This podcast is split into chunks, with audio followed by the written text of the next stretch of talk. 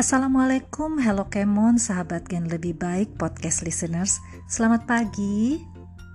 Barang siapa yang belum bangun jam segini, maka mereka termasuk kaum yang bangun jam segitu. Saya Maya, senang sekali diundang siaran lagi di podcastnya Gen Lebih Baik di bulan September ceria ini. Hari ini saya akan cuap-cuap mengenai digital dan kenapa kita harus beralih ke digital. Jadi begini ya, digital citizen atau warga digital dibagi menjadi dua kelompok, yaitu digital natif dan digital imigran.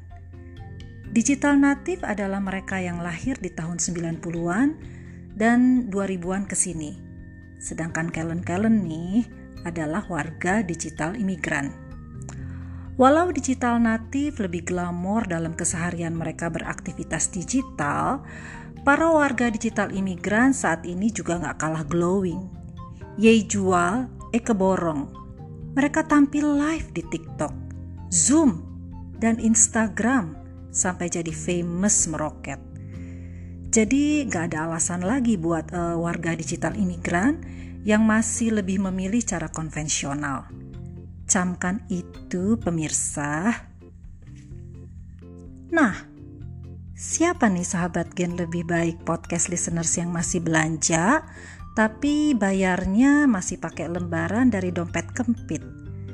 Please to please deh, gubrak-gubrak jeng-jeng. Sekarang ini segala sesuatu sudah bisa dilakukan dari mana saja.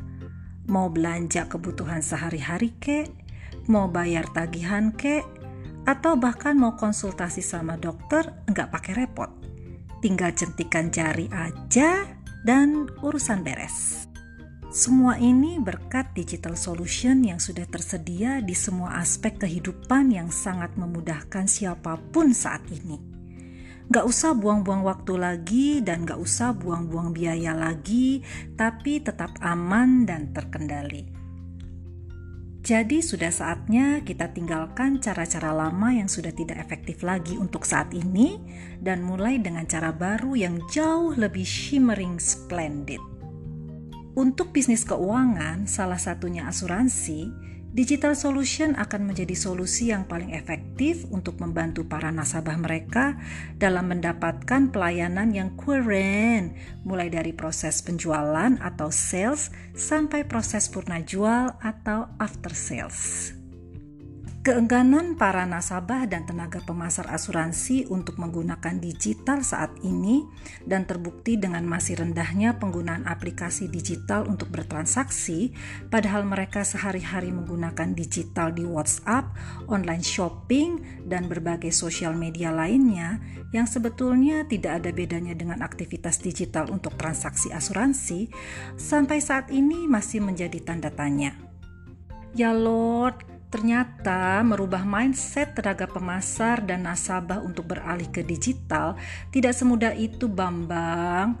Perlu usaha keras dari semua pihak untuk meyakinkan mereka bahwa digital solution adalah yang kita butuhkan saat ini, apalagi di situasi pandemik yang tidak memungkinkan kita untuk saling bertemu langsung dan bertatap muka, padahal the show must go on. Lalu, Apakah kita akan tetap bertahan dengan cara lama yang penuh keterbatasan, ataukah kita akan tinggalkan cara lama tersebut?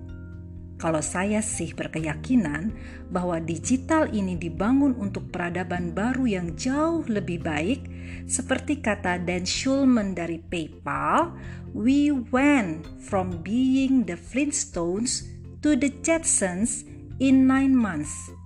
Yang artinya, dunia telah bertransformasi begitu cepat, dan barang siapa yang tidak cepat menyesuaikan diri, maka mereka akan seperti kembali ke zaman batu.